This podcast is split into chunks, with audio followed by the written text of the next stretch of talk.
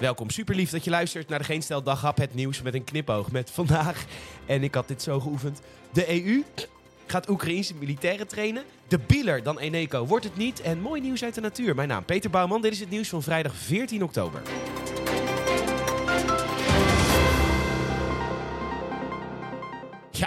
Geestiger wordt het niet. De Europese Unie gaat 15.000 Oekraïense militairen trainen. Dat melden ingewijden volgens HLN. Een hard gelach natuurlijk, want zouden het niet de Oekraïense militairen moeten zijn die Europese legers gaan trainen? Want ze hebben namelijk ja, uh, gevechtservaring en weten daadwerkelijk hoe het is om als land aangevallen te worden. Maar nee, de EU wil de soldaten gaan leren hoe ze hun commandant genderneutraal moeten aanspreken. Terwijl ze met een beker latte macchiato havermelk staan te wachten bij de laadpaal die de Hummer e-hybrid volgooit met stroom. Actieradius van 100 kilometer. Dus over drie stops ben je bij het front hoor. En als je krijgsgevangenen hebt, laat je dan wel eerst even weten hoe je aangesproken dient te worden. En met welke privileges je allemaal geboren bent. Ja, dat is belangrijk, ja. Want die Rus heeft waarschijnlijk een aantal van je landgenoten verkracht en vermoord. Maar dat hij, zij, het dat gedaan heeft, heeft natuurlijk een achterliggende sociale reden voor onderdrukking en armoede en kansloosheid. En het is belangrijk om daar rekening mee te houden. Nou, we hebben een aantal leuke gasten voor jullie. Ze komen een lied zingen als perfecte voorbereiding op het slagveld. Kinderen voor kinderen met Giga Groen. Zo mooi.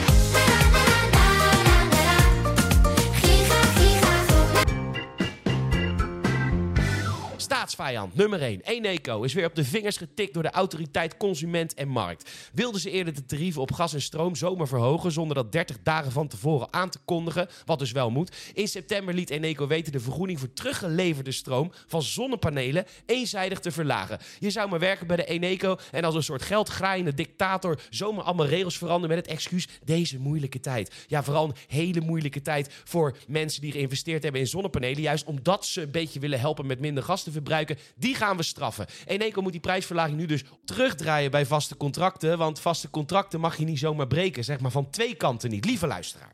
Zullen we hier nu even één ding afspreken? Nu kan het misschien, het is nu onmogelijk en moeilijk. We moeten deze tijd allemaal door. Maar zet nu even in je agenda of je iCal of whatever je gebruikt. In de agenda voor over een jaar. En dan misschien nog over twee jaar als het echt heel lang gaat duren overstappen, weg bij Eneco, zodra het kan. Laten we die marktwerking eens even echt laten werken en stop massaal met Eneco, walgelijk tyfusbedrijf, we kappen ermee.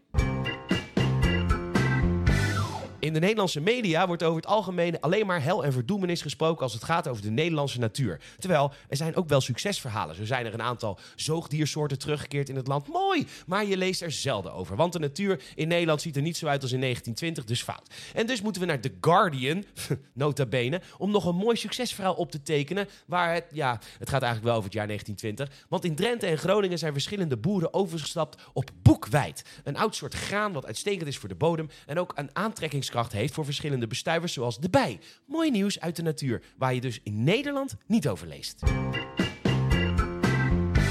Ach, Elon Musk gaat even een oplossing voor de oorlog in Oekraïne hapklaar in een tweet natuurlijk dat Oekraïne de gebieden die Rusland nu in handen heeft maar moet opgeven en het hier maar bij moet laten. De Oekraïense ambassadeur in Duitsland zei toen fuck off tegen Musk en nu wil Musk zijn satellieten die hij gratis ter beschikking had gesteld aan het Oekraïense volk weghalen omdat hij op zijn hele kleine piemel is getrapt. Deze man krijgt straks ook nog eens de leiding over Twitter en hij zal heus wel goede nieuwe regels voor het platform bedenken. Ja, totdat de verkeerde persoon hem beledigt en hij alle regels weer zo buigt totdat hij wint. Bedankt voor het luisteren. Mond tot mond reclame. Daar moeten we het van hebben. Laat eens even iemand weten over deze podcast. En luister, we gaan richting de 100 reviews via Spotify. Dus doe even van die hartjes geven. Komen we hoog in alle algoritmes. En dat kan natuurlijk ook via Apple Podcasts. Nogmaals, bedankt voor het luisteren. Tot morgen.